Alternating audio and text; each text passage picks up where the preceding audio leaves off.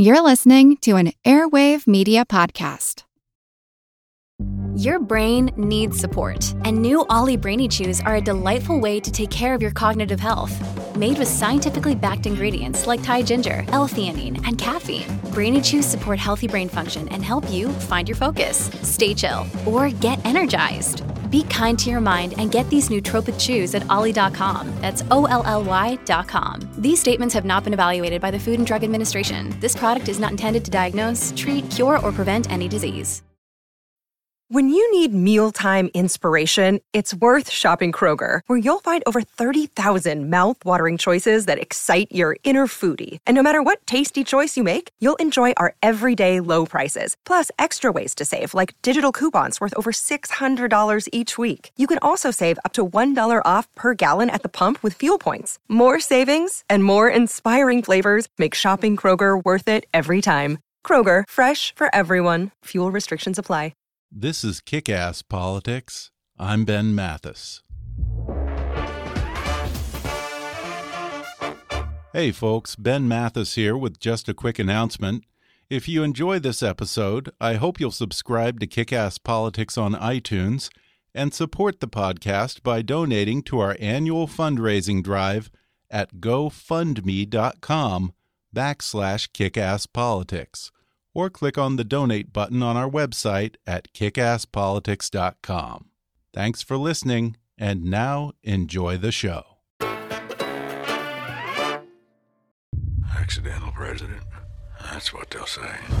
I have a genuine desire to unite people. LBJ wants our support. We're going to hold his feet to the fire. Everybody wants power. Everybody thinks it ought to be given out like Mardi Gras beads. A Democratic president ignoring his own party, shameful. You have to decide how you want history to remember you. That was a trailer for the new HBO film All the Way, which follows a year in the life of President Lyndon Johnson, from the assassination of John F. Kennedy through Johnson's passage of the Civil Rights Act and his eventual reelection. It stars Bryan Cranston of Breaking Bad fame in what will certainly be an award winning performance as LBJ.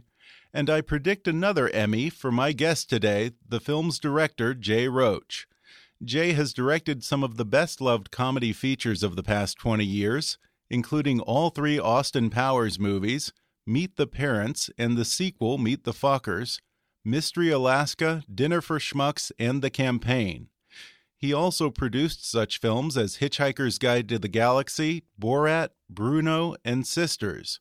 More recently, Jay Roach's work has taken on a decidedly political tone. He directed last year's critically acclaimed film Trumbo, in which Bryan Cranston played the blacklisted screenwriter of the same name. Plus, he directed and produced the movie adaptations of John Heilemann and Mark Halperin's bestsellers Recount about the 2000 presidential election and Game Change, which followed the 2008 McCain Palin campaign. Both of those films for HBO earned Jay Roach Emmy Awards for Outstanding Directing for a Miniseries, Movie, or Dramatic Special, and for Overall Outstanding Miniseries or Movie. Game Change also garnered him a Peabody Award and a Golden Globe for Best Miniseries or Television Film. Now, Jay Roach returns to politics in his new film, All the Way, also for HBO. And today, we'll discuss where his interest in political subject matter comes from. We'll talk about some of Lyndon Johnson's infamous and even bizarre negotiating tactics. We'll discuss why LBJ took a huge political risk in fighting for the Civil Rights Act, and how it nearly led to the South walking out on him at the Democratic National Convention. Plus, we'll talk about his complicated relationships with Martin Luther King, Hubert Humphrey, his wife, and J. Edgar Hoover. And we'll ponder whether LBJ, the ultimate Washington insider, would survive or thrive in today's anti establishment political climate. Coming up with director Jay Roach in just a moment.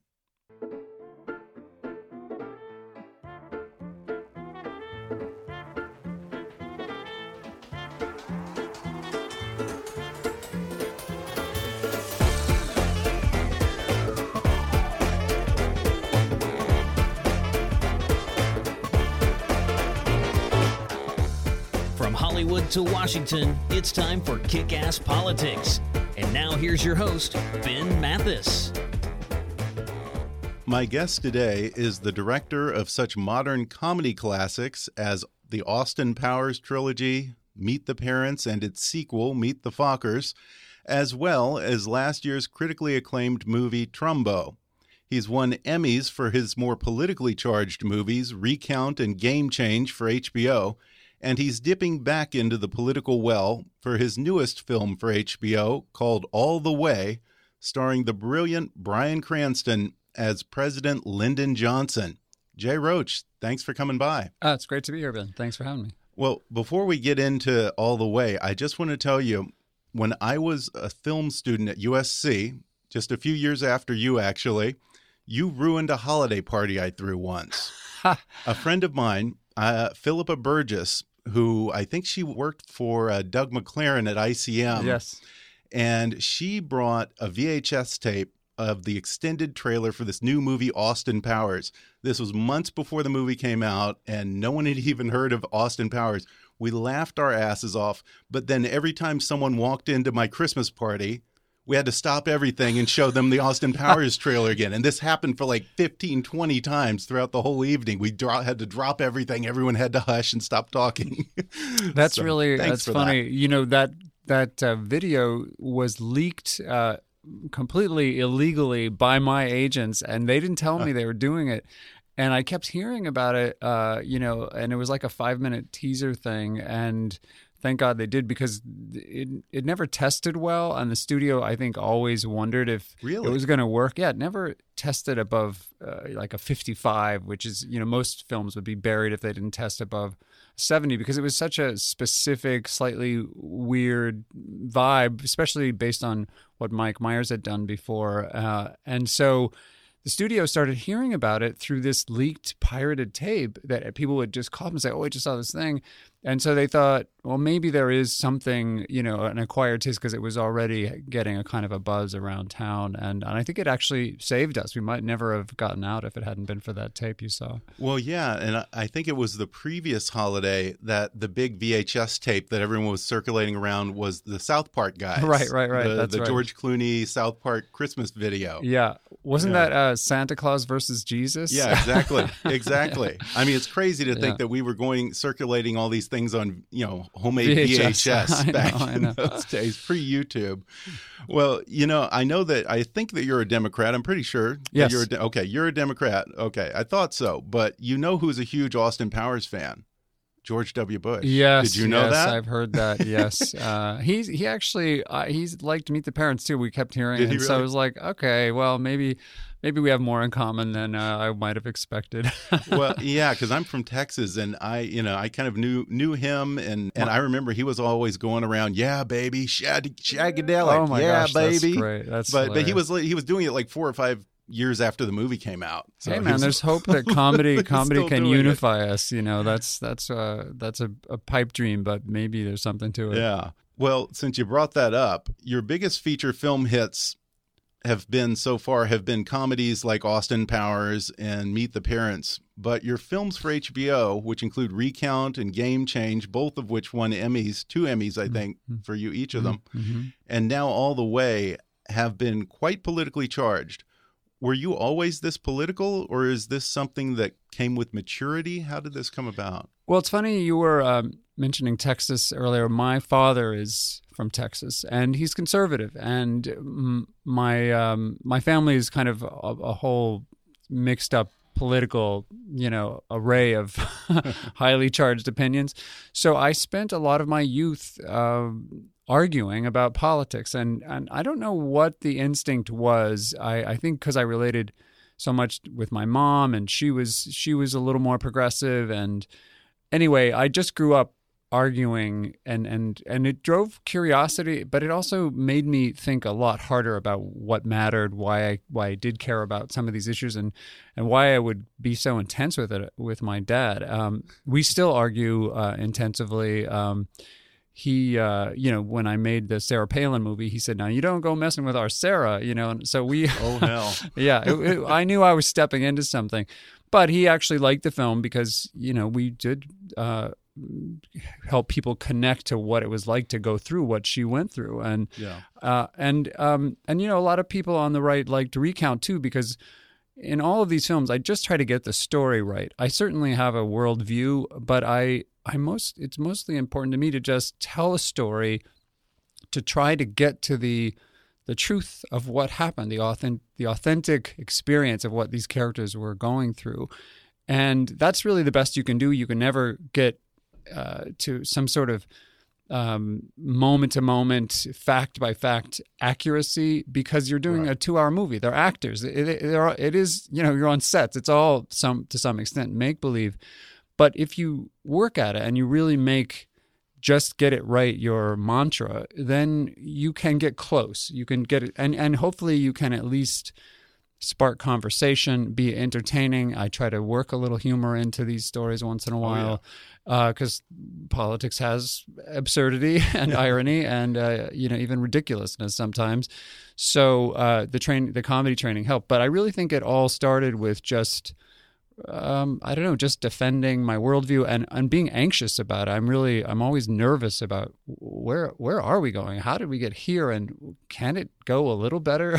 and so that's what that's what drives the interest. Well, was it success that made you feel a little more comfortable having a political voice and putting it out there? You know, I worked in, I, I was pre law in college and I uh, studied economics. I got a degree in economics and I was. I was interested in politics. I was a student politico in high school. I didn't. I didn't go into that so much in college. And actually, in college, uh, as I started studying economics, I was also doing work study, working my way through school in the film department at Stanford. It was a, a small documentary department, but it was a really cool group of people and I cleaned the sound heads, you know, on the on the editing desks and uh, editing machines, and I I just uh, started getting tempted by the storytelling aspect. Somehow, um, telling stories about politics seemed uh, as interesting as politics itself, and so I, you know, I I came out of film school. I went to USC Film School, and then I came out and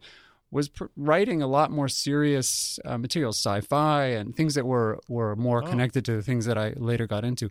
And it just so happened that years later I got this break to do Austin Powers. So the comedy thing was more the diversion in a way, Okay. and I was sort of waiting to get a chance to get back into more serious stuff. Okay. So you're getting back to your roots then to some extent. In a way, yeah. Where in Texas were you from? My I'm I grew up in Albuquerque, New Mexico, but Okay. both my parents are from. Um, they met in Amarillo. Um, my okay. dad's family is from down in the middle of Odessa area, San Angelo, uh, and my mom was spent her whole life in Amarillo, Texas. Okay. Okay. An Amarillo romance. yeah. All right. Well, good that your dad thought that you were fair to Sarah Palin. A lot of people gave you, I think, a lot of flack for that. Um, I didn't think that it was a particularly unsympathetic or unfair portrayal, but I have to say it must be nice to deal with characters who are mostly dead in this film and can't take any issue with the, your portrayal of them. Uh, you know, it's always there are always people who care deeply about how, especially uh, iconic characters are portrayed. True. Um, and, and by the way, most of the flack we got from on the Palin movie was from were from from people that worked, you know, for her. You know, we didn't get that much flack even from the right because there were some people. I mean, that the whole story takes place from the point of view of the Republicans who worked on the McCain Palin Right. campaign. Right. So uh, there were a lot of uh, Republicans who really loved that movie because they saw the the kind of uh, catastrophe that n- nearly happened and were wondering how did we uh, the the GOP get to this place and and it's interesting in relation to the Trump situation now because in a way Palin paved the way for for the kind of campaign he's running so I- and I think there are a lot of people on both sides of the uh, aisle would who would uh, you know who who had issues with with with that approach so uh, but on this film you know the there are people who care very much about how LBJ is portrayed and how uh, Dr. Martin Luther King uh, is portrayed. True. So we were um, we had a we had a fairly daunting you know pre- predicament going into this to just try again try to get it right. But I had seen the play. I had seen it twice actually. That's Uh, right. It's based on a play. yeah, based on a great play by Robert Schenkkan. It won a Tony Award for the play, and and and uh, Cranston won a, a Tony Award for portraying LBJ. I was I got to see it while I was prepping for Trumbo, which is the film I made uh, last year. And uh, during that time, Spielberg and HBO came to me and said, "Would you direct the adaptation of of All the Way?" Uh, I said yes, even not knowing whether Trumbo would go well. I was hoping Bryan would and I would get along, and we we did, and that's that's uh, that's how it happened. Yeah, I noticed that uh, Steven Spielberg was an executive producer on this. What was his involvement with this project? He uh, saw the play. Uh, he uh, DreamWorks brought they sort of uh, talked to the playwright and got the rights and, and, and teamed up with HBO. Uh, Okay. got Schenkkan to do the the screenplay, uh, adapting his own play, and um, I th- I don't know exactly when he decided that he he, he I think he might have just thought about directing it for a while, but uh, he, I've known him for some time. He was uh, involved in Meet the Parents. He was actually for a while thinking about directing that as well. So I, I, I'm happy to get Steven Spielberg's hand me downs. oh yeah, those are good. You know, people a couple win, of good ones. People have won Oscars with Steve Spielberg's hand me downs. Yeah, exactly. Yeah. So, uh, uh, and and I I admire him. He's a he's been a, a mentor figure for me, and has always been supportive of of the political films as well. He's obviously, as you see in the films he's done, like Lincoln and Schindler's List. He's very interested in politics, Yeah. and so he. Um, he approached me and said, "Would you take this on?" And he he stayed involved. He he read drafts. He he he watched many of the cuts. Had fantastic uh, notes in the edit. Um, was helpful in some of the casting uh, uh, ideas as well. So yeah, it was a it was a fantastic collaboration. Well, yeah, and when I was watching it, one thing it reminded me of was Lincoln, because it's that rare glimpse into the political side of people that you know but you don't really know. That Yeah. insider's look at the actual horse trading, the wheeling and dealing, the smoky back room, and I loved that. and also the psychology you know it's it is great film can take you into the back rooms that's why i have made all of these films because i i always say i want to be in the room where they decided you know to have sarah palin be the vice presidential candidate i want to be in the rooms when they're fighting over the idea of whether hand counting in, re- in the recount was somehow, you know, inappropriate, and in this case, I, I wanted to be in the rooms where where LBJ, after uh, achieving the dream he chased for his entire life, which was to be president of the United States, becomes president, but in the worst possible Yeah. situation after the assassination of John F. Kennedy. And and then instead of shrinking back, takes on one of the most combustible issues of the time, which was which was civil rights, and and decides to go against his southern brethren uh, uh, to pass the 1964 Civil Rights Act. Yeah. And, you know, the thing that I love about this movie is it's the version of LBJ that I've always wanted to see. Because if you ever talk to anyone who ever actually dealt with LBJ, they would tell you his greatest strength was he was this brilliant master horse trader who knew how to get his way. And aside from the arc of civil rights, for me, this was really a master class in the exercise of political power. That's right. Uh, he had been in the House of Representatives as a representative for a dozen years, another dozen years as a U.S. senator, and had become the um, this, the the head, you know, the the um, Senate minor- majority leader. So he was one of the Right. most powerful and capable Oh, yeah. people, and maybe one of the most capable Senate majority leaders of all time. He had had engineered so much legislation, and then he kind of stepped back, frankly, when he became vice president under Kennedy. And then when Kennedy passes, he he reconnects with all of that ability to uh, to you know finagle horse trade Mm-hmm. pressure uh, he used to get in people's faces and deliver what's called the johnson The treatment Johnson treatment, yeah. uh, or the texas twist you know uh, where he would get uh, about half an inch from your your nose and and uh, flatter you at first and make you laugh with really off-color jokes and then eventually have his way with you basically and get you to sign on to his agenda Yeah, I love that you've included some of my favorite anecdotes about LBJ. Uh, there's one story of him when he's in a meeting, and I think in your version it's with Hubert Humphrey. That's right. And he's in the middle of a meeting, and he just says, "You know, come with me, follow me." He proceeds to go to the bathroom and s- literally start taking a dump, and says, "Oh, go on. What did you? What do you? What do you want to talk about?" Yeah. And I mean, this is a guy who knew how to put you in your place real quick. yeah, I think, I mean, th those are definitely uh, apocryphal stories of his, and it's hard to imagine someone being so uninhibited. There are so many more that were even, uh, you know, yeah. kind of blood curdling, that uh, including uh, forcing uh, some of his uh, colleagues to go skinny dipping with him, and then, you know, making fun of the comparison between their yeah, their he was very parts. proud of his male member, wasn't he? his Johnson was legendary. He used so, to call it Jumbo, I think. Jo- I read Johnson's Jumbo. um, so yeah, he was he was not afraid to use in a way they were all part of the manipulation uh, part of they, he would he would joke with you prank you get you off balance Mhm. uh, he also uh, famously would you know drive around uh, have you go on a, a, a drive in his convertible uh, drinking driving 90 miles an hour on a on a, a road and then suddenly veer off, you know, and go into a lake and reveal that, that his car was amphibious uh, and just to mess with you and then start to get into after you kind of got your wits back together after being scared to death get, get start to to force you into a negotiation so it was all part of that very very capable um, legislative kind of uh, back and forth that I think is a lost art. Mm-hmm. Yeah, yeah, it is. And contrary to I think a lot of people's popular imagination, it wasn't just bluster and beating people down.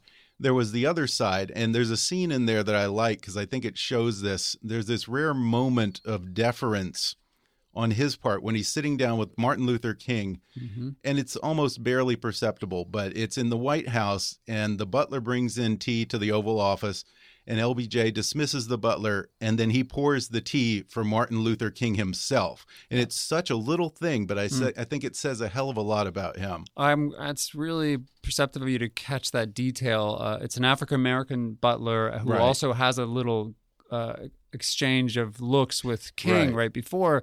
Johnson knows what's going on, and and he wants Dr. King to trust him, and he knows he doesn't. He uh, Johnson had been involved in, in civil rights legislation in the past. Is much of it had been watered down because it was impossible to get civil rights legislation passed through the the House, which was run by the Dixiecrats, the strong conservative uh, Democrats at the time, which is hard to picture now, but that's how that party had been set up. And 1964 actually changed all that.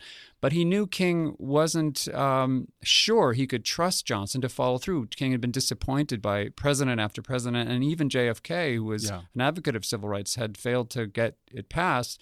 And Johnson knew he was going to use this this uh, tragedy uh, that had befallen the country uh, and the goodwill that came out in reaction as as everyone tried to stick together and hold the country together to do uh, real legislation that wasn't just political expediency for him. It actually was risky for him to go against the South Yeah. and improve the quality of life of African Americans uh, and all Americans really uh, with the the passage of the Civil Rights Act. And he needed King to trust him, so he was he was willing to put himself on the on an equal footing. Well, we're going to take a quick break, and then I'll be back to talk more with director Jay Roach. Back in just a moment.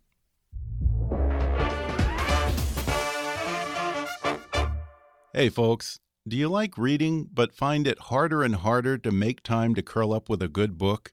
Well, there's a solution. Give audiobooks a try. They're perfect for your commute to work, or working out at the gym, or relaxing in the bath, or any time, really. And right now, you can take an audiobook for a spin with a special promotion just for our listeners from audible.com. Just go to audibletrial.com backslash kickasspolitics to get a free 30-day trial and download any of Audible's 180,000 titles for free. That's audibletrial.com backslash kickasspolitics. Or click the sponsor link on our webpage to download the free audiobook of your choice. And if you like Kick Ass Politics, then be a part of what I'm doing here and help us raise our production budget for 2016 by donating to our annual fundraising drive at gofundme.com backslash kickasspolitics or click on the donate button on our website at kickasspolitics.com. Thanks for listening, and now back to the show. We're back, and today I'm talking with director Jay Roach about his new movie All the Way for HBO. Well, Jay, the movie follows a year in the life of Lyndon Johnson from the moment he takes over as president when JFK is assassinated through the passage of the Civil Rights Bill and through his fight to get reelected or really elected because he had never right. been elect actually elected before. Right. And he's very aware of that. He's an unelected president a year from reelection and he knows civil rights is a third rail for many in his own party. So why did he decide to take this on? Was it personal or was it political for him? I think it was a combination, but I think it was mostly personal. There's a, a scene in our film where he describes his experience uh, as a high school teacher, straight out of college, teaching Mexican kids in uh, a small school in Cotulla, Texas, and how he saw their eagerness to learn uh, sort of disappear over time as they realized that they were going to be discriminated against just because of the color of their skin. Yeah. And you see he delivers that speech in a press conference so you you know there would be a temptation to think well it's just a political uh, posture but he he truly felt it and the way i the reason i believe that is because he, he really was taking a huge risk. He was the accidental president. He knew he was seen that way, and he knew he was the usurper to the throne in a very mm-hmm. Shakespearean way. By the way, his yeah. predecessors murdered in Texas. His the brother, you know, in a way, seemed to be the the heir to that throne. Yeah. He's sus- suspected. He's uh, you know he's he's the, the the the Texan come to the north. You know all those things, and so it was kind of Shakespearean but he chose to do uh, in, in, instead of consolidating power they say power reveals character he chose mm-hmm. to use his power to to right a uh, decades long injustice or centuries long injustice in our country and and help uh, all people who are who would be uh, victims of, of discrimination by by taking on this this this thing. And instantly was um, attacked intensely by his former colleagues, including his former mentor, uh, Senator Dick Russell, who Frank Langella plays in our film. Yeah, and you know he grew up in poverty, so I guess there was kind of this sense of him being on the side of the underdog throughout yes, his life. I think I think that's he always felt like the underdog, even even though he had been in in very powerful positions. Um, he hadn't gone to a fancy college, for example, and that was a, a, a real uh, source of pride for him in a certain mm-hmm. way, uh, uh, with all the Harvard-educated uh, Eastern intellectuals. But he he also he did relate with um, with people who were who were sort of kept under the boot, you know, mm-hmm. and and he needed he Dr. King and all the civil rights leaders were going to be his allies. I mean, he, he definitely did not do this alone. Uh, there was a tremendous. Yeah force uh, in the South, um, led by Dr. King, but but other leaders as well. And one of the great things I love about Schenkkan's script was that you see Dr. King is being pulled in all different directions by the more conservative mm-hmm. NAACP, yeah. by the more radical yeah. Stokely Carmichael and Bob Moses.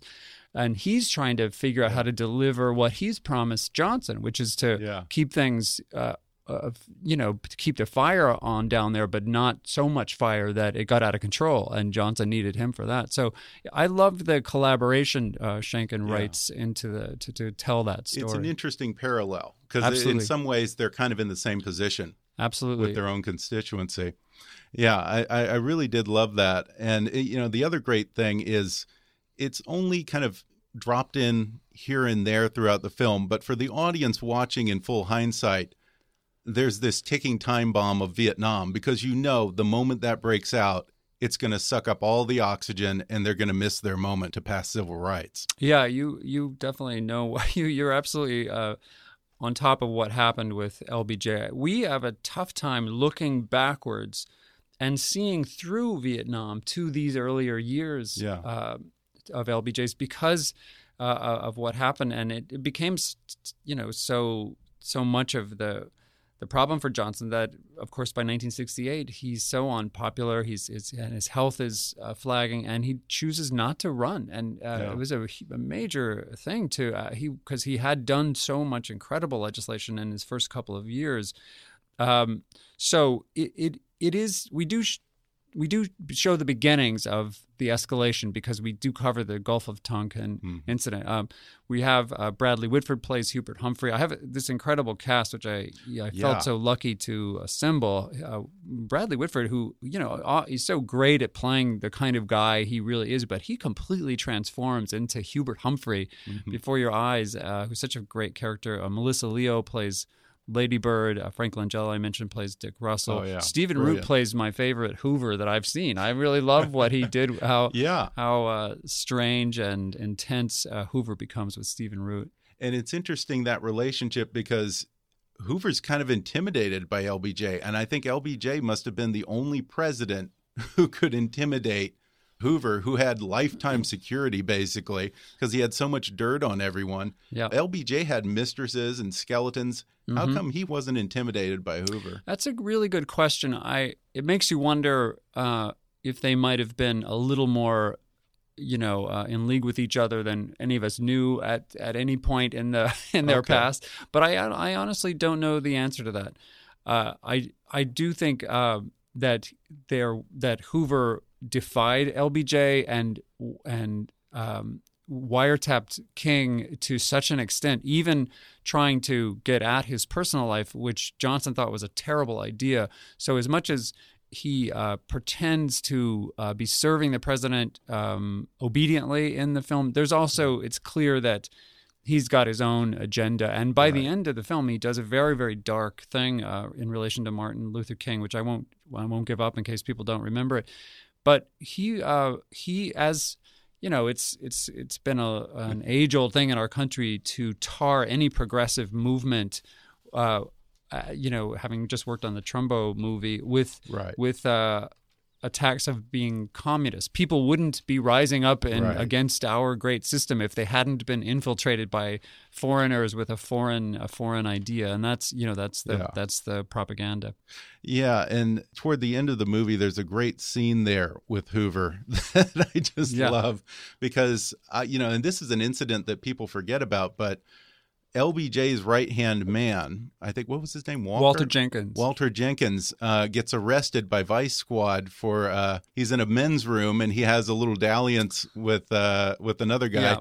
LBJ is shocked by this, you know, and he's known this guy his whole life. He says to Herbert Hoover, he says, "How do you, how do you know? How can you, you know?" I, I'm, he's just so shocked. How can you tell, Edgar? How can you tell these guys? You Yeah, know? it's one of the most It's incredible stories. moment It is. A, it, that moment is is that. interesting because obviously um, Hoover, who had a very intense uh, sort of witch hunt for homosexuals throughout his entire career, with his own closeted life.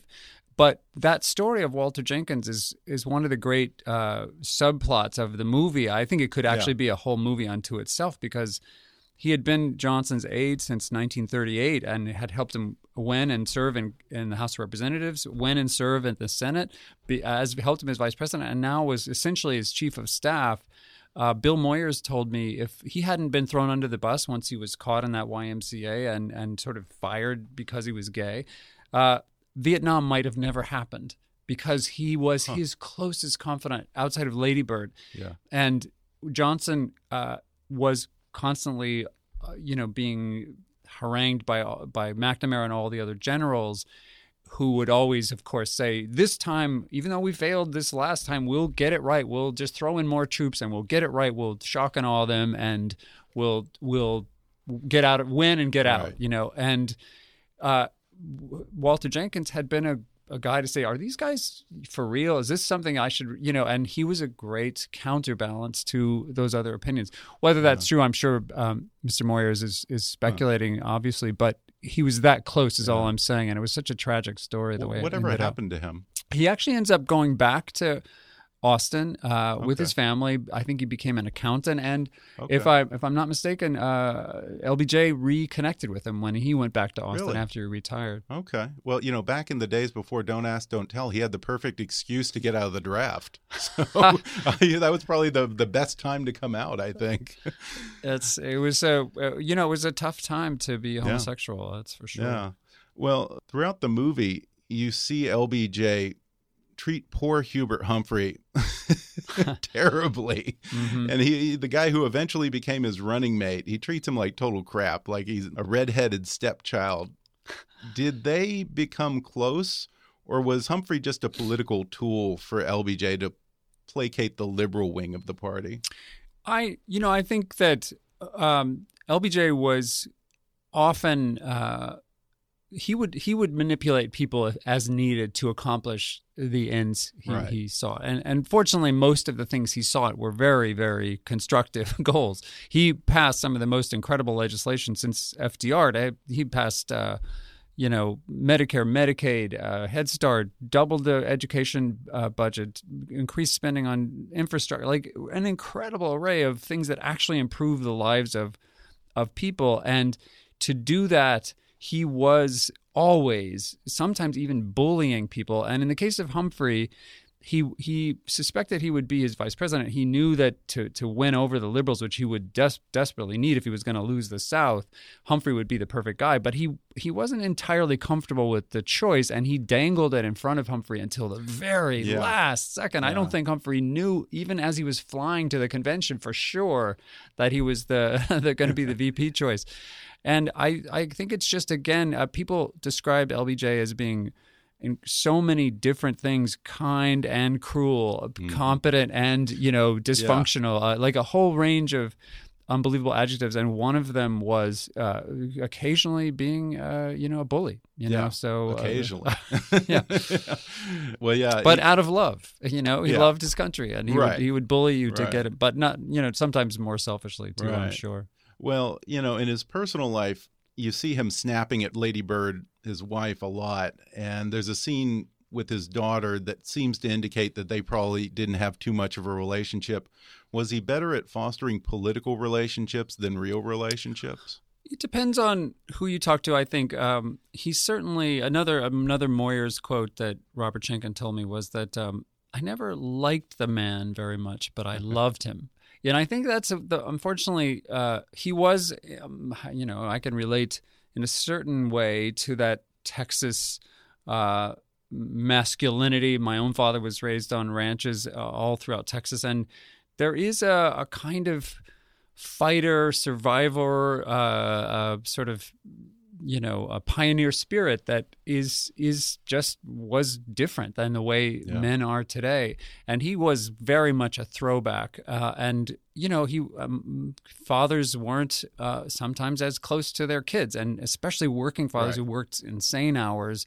And I, it was actually Bryan's idea to put in that scene uh, where he speaks to his daughter, and you get a sense of wow, he's he might be sacrificing a lot to uh, to be the leader of the free world. Yeah. And you, you see that in Trumbo, too. Yeah, Bryan. absolutely. Uh, and again, uh, uh, very much, very similar in that way that there, it was just because Trumbo's daughters described it to us that way that he was a kind of old fashioned father where kids were to be seen and Mm-hmm. not heard. I heard that a lot when I was a kid. That's why kids are to be seen and not heard. Well, that you wouldn't hear that in a typical, uh, you know, progressive school in in Yeah. California these days. And it's interesting that you went into filmmaking. Yeah. Well, again, I you know, it's I I I think I was rebelling. I wanted to tell stories, and I and uh, for a while I was supposed to be seen and not heard.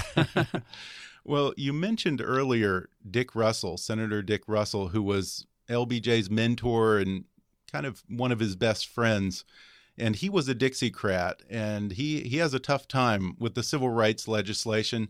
Um, there's a little bit of a question as to what his motivation was, whether he was a racist or mm-hmm. whether it was states' rights and so mm-hmm. forth. And mm-hmm. there is a scene where Senator Russell, played brilliantly by Frank Langella, talks about mourning the passing of civility and etiquette and process in the Senate and uh, party loyalty. yeah. And I think people forget that in the days of LBJ and Russell, it wasn't all this acrimony and bitterness. The Senate was supposed to be the civilized place. Yeah, I wonder if if it's if it it was there was a certain amount of like we've talked about a compromise and horse trading, but there was quite a bit of conflict as well. And as we all know, whenever you're the person, whenever your cause is what you're talking about, it's the civil, you know, uh, patriotic cause.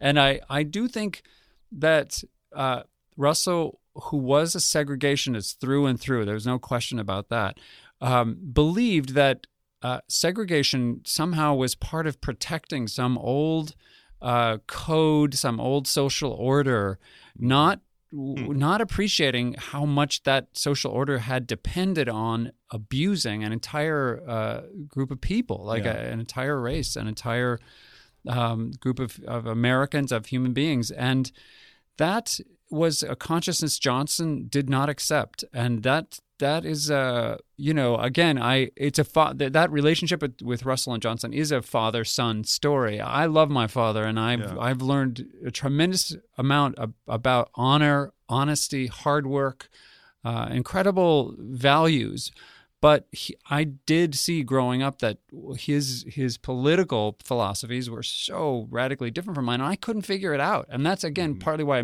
tell these stories. Is I just want to understand the psychology. I'm not. I do judge to some extent. I can't help that, but I mostly want to just understand.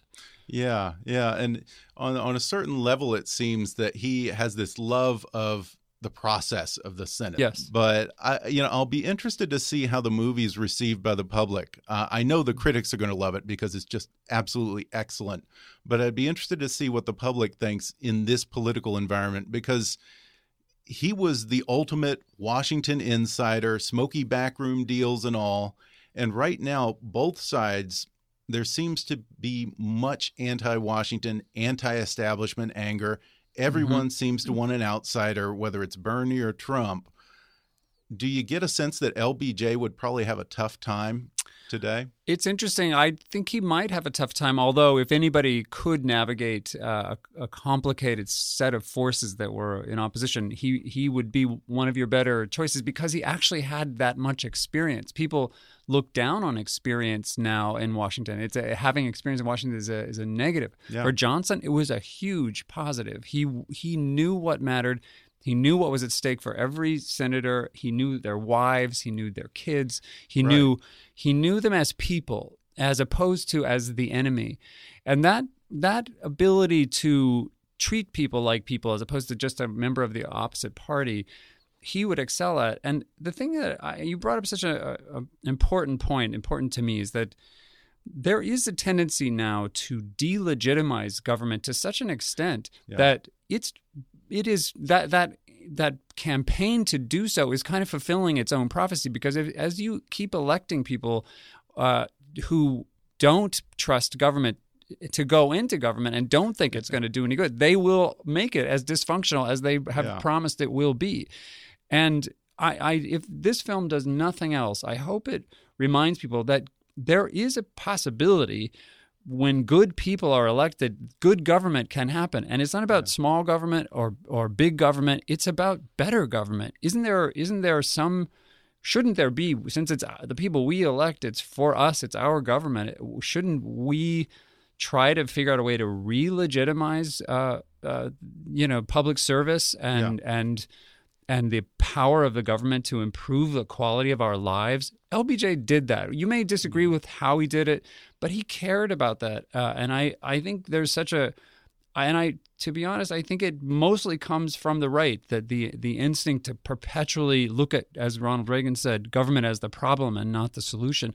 But government is only exists to create solutions. That's all it's for. And if it if it if you lose faith in that, then what what's left? And you know, we were talking off mic earlier, and I was telling you I had uh, Senators Trent Lott and Tom Daschle in a while back, and they were talking about how they lived in Washington. They hung out with each other's families in service of their constituents. They spent all their time in Washington because that's where things got done, and they Absolutely. got to know the people they were dealing with. That so, was LBJ yeah. too. He he didn't yeah. do anything else. He didn't read books. he didn't go go to movies. He didn't do anything but politics. Yeah. Even when he went back to his ranch, it was just known as the Western White House. well, I'm curious. As a director and a writer, what do you look for in a story in general? I you know I the reason I've navigated to these the reason I the reason I've migrated to these kinds of stories I think is that they are so layered. They are about uh, flawed and competent people with complicated psychologies and even philosophies and spirituality. It's about the soul of the character, but it's set against these very high stakes uh, predicaments that a whole nation is, finds itself in, and that yeah. that to me is great storytelling. It's it's it's something you learn reading, uh, you know, classic theater of Shakespeare and the Greek theater. You, the Greeks, you you want. Um, stories to work at every possible level and i think that's how you create suspense and if they're also about things about things that matter and and help you uh, work out your own relationship to these issues, then I think it's I just think it's more engaging um, to to have things be working at so many different levels. Uh, before we go, uh, just to throw back to your last film, uh, when you were writing and directing Trumbo, did you find yourself thinking, "My God, 50 years ago, this could have been me. uh, I, I, didn't. loved uh, that as well. I didn't movie. write it. I just directed a John oh, McNamara, okay. the great. Were, oh, in a movie about screenwriters, I have to okay. quickly throw the big yeah. sc- screenplay credit to John McNamara. Okay. But I, but both of us would have been blacklisted uh, yeah. 50 years ago. There's no question about it. Especially making a movie about the blacklist, yeah. uh, exposing the persecution of people um, just for their political beliefs. It would have gotten you blacklisted. Lee yeah. Grant was was blacklisted for 12 years of her incredible acting career uh, because she went to a funeral for a blacklisted r- writer and implied that the stress of being blacklisted killed him. Yeah. Well, J. Edgar Hoover probably wouldn't have been your friend, I imagine. he would have had a big file on, on me radar. by now. Yeah, yeah. Well, Jay Roach, the film is just fantastic. I highly recommend it to everyone. It's called All the Way. Uh, when does it premiere on HBO? On May 21st, Saturday night. Terrific. We got to see this movie, folks. Jay Roach, thanks for coming on the podcast. Thank you, Ben. Great, great interview. I really right. appreciate it. Thanks again to Jay Roach for coming on the show. All the Way airs on Saturday at 9 p.m. Eastern on HBO. Or you can watch it anytime with a subscription to HBO Go or HBO Now. Be sure to subscribe to Kickass Politics on iTunes and leave us a review while you're there. And if you really want to help out, then donate to our GoFundMe campaign at gofundme.com backslash kickasspolitics or click on the donate button on our website at kickasspolitics.com.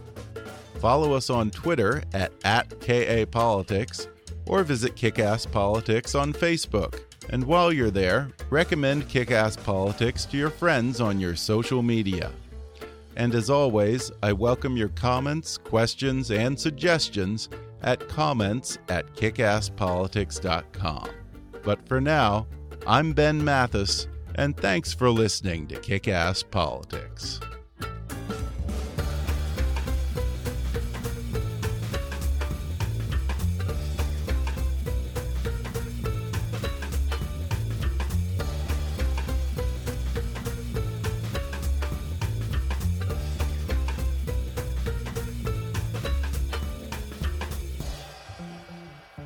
Kick Ass Politics is a trademark of Mathis Entertainment, Inc.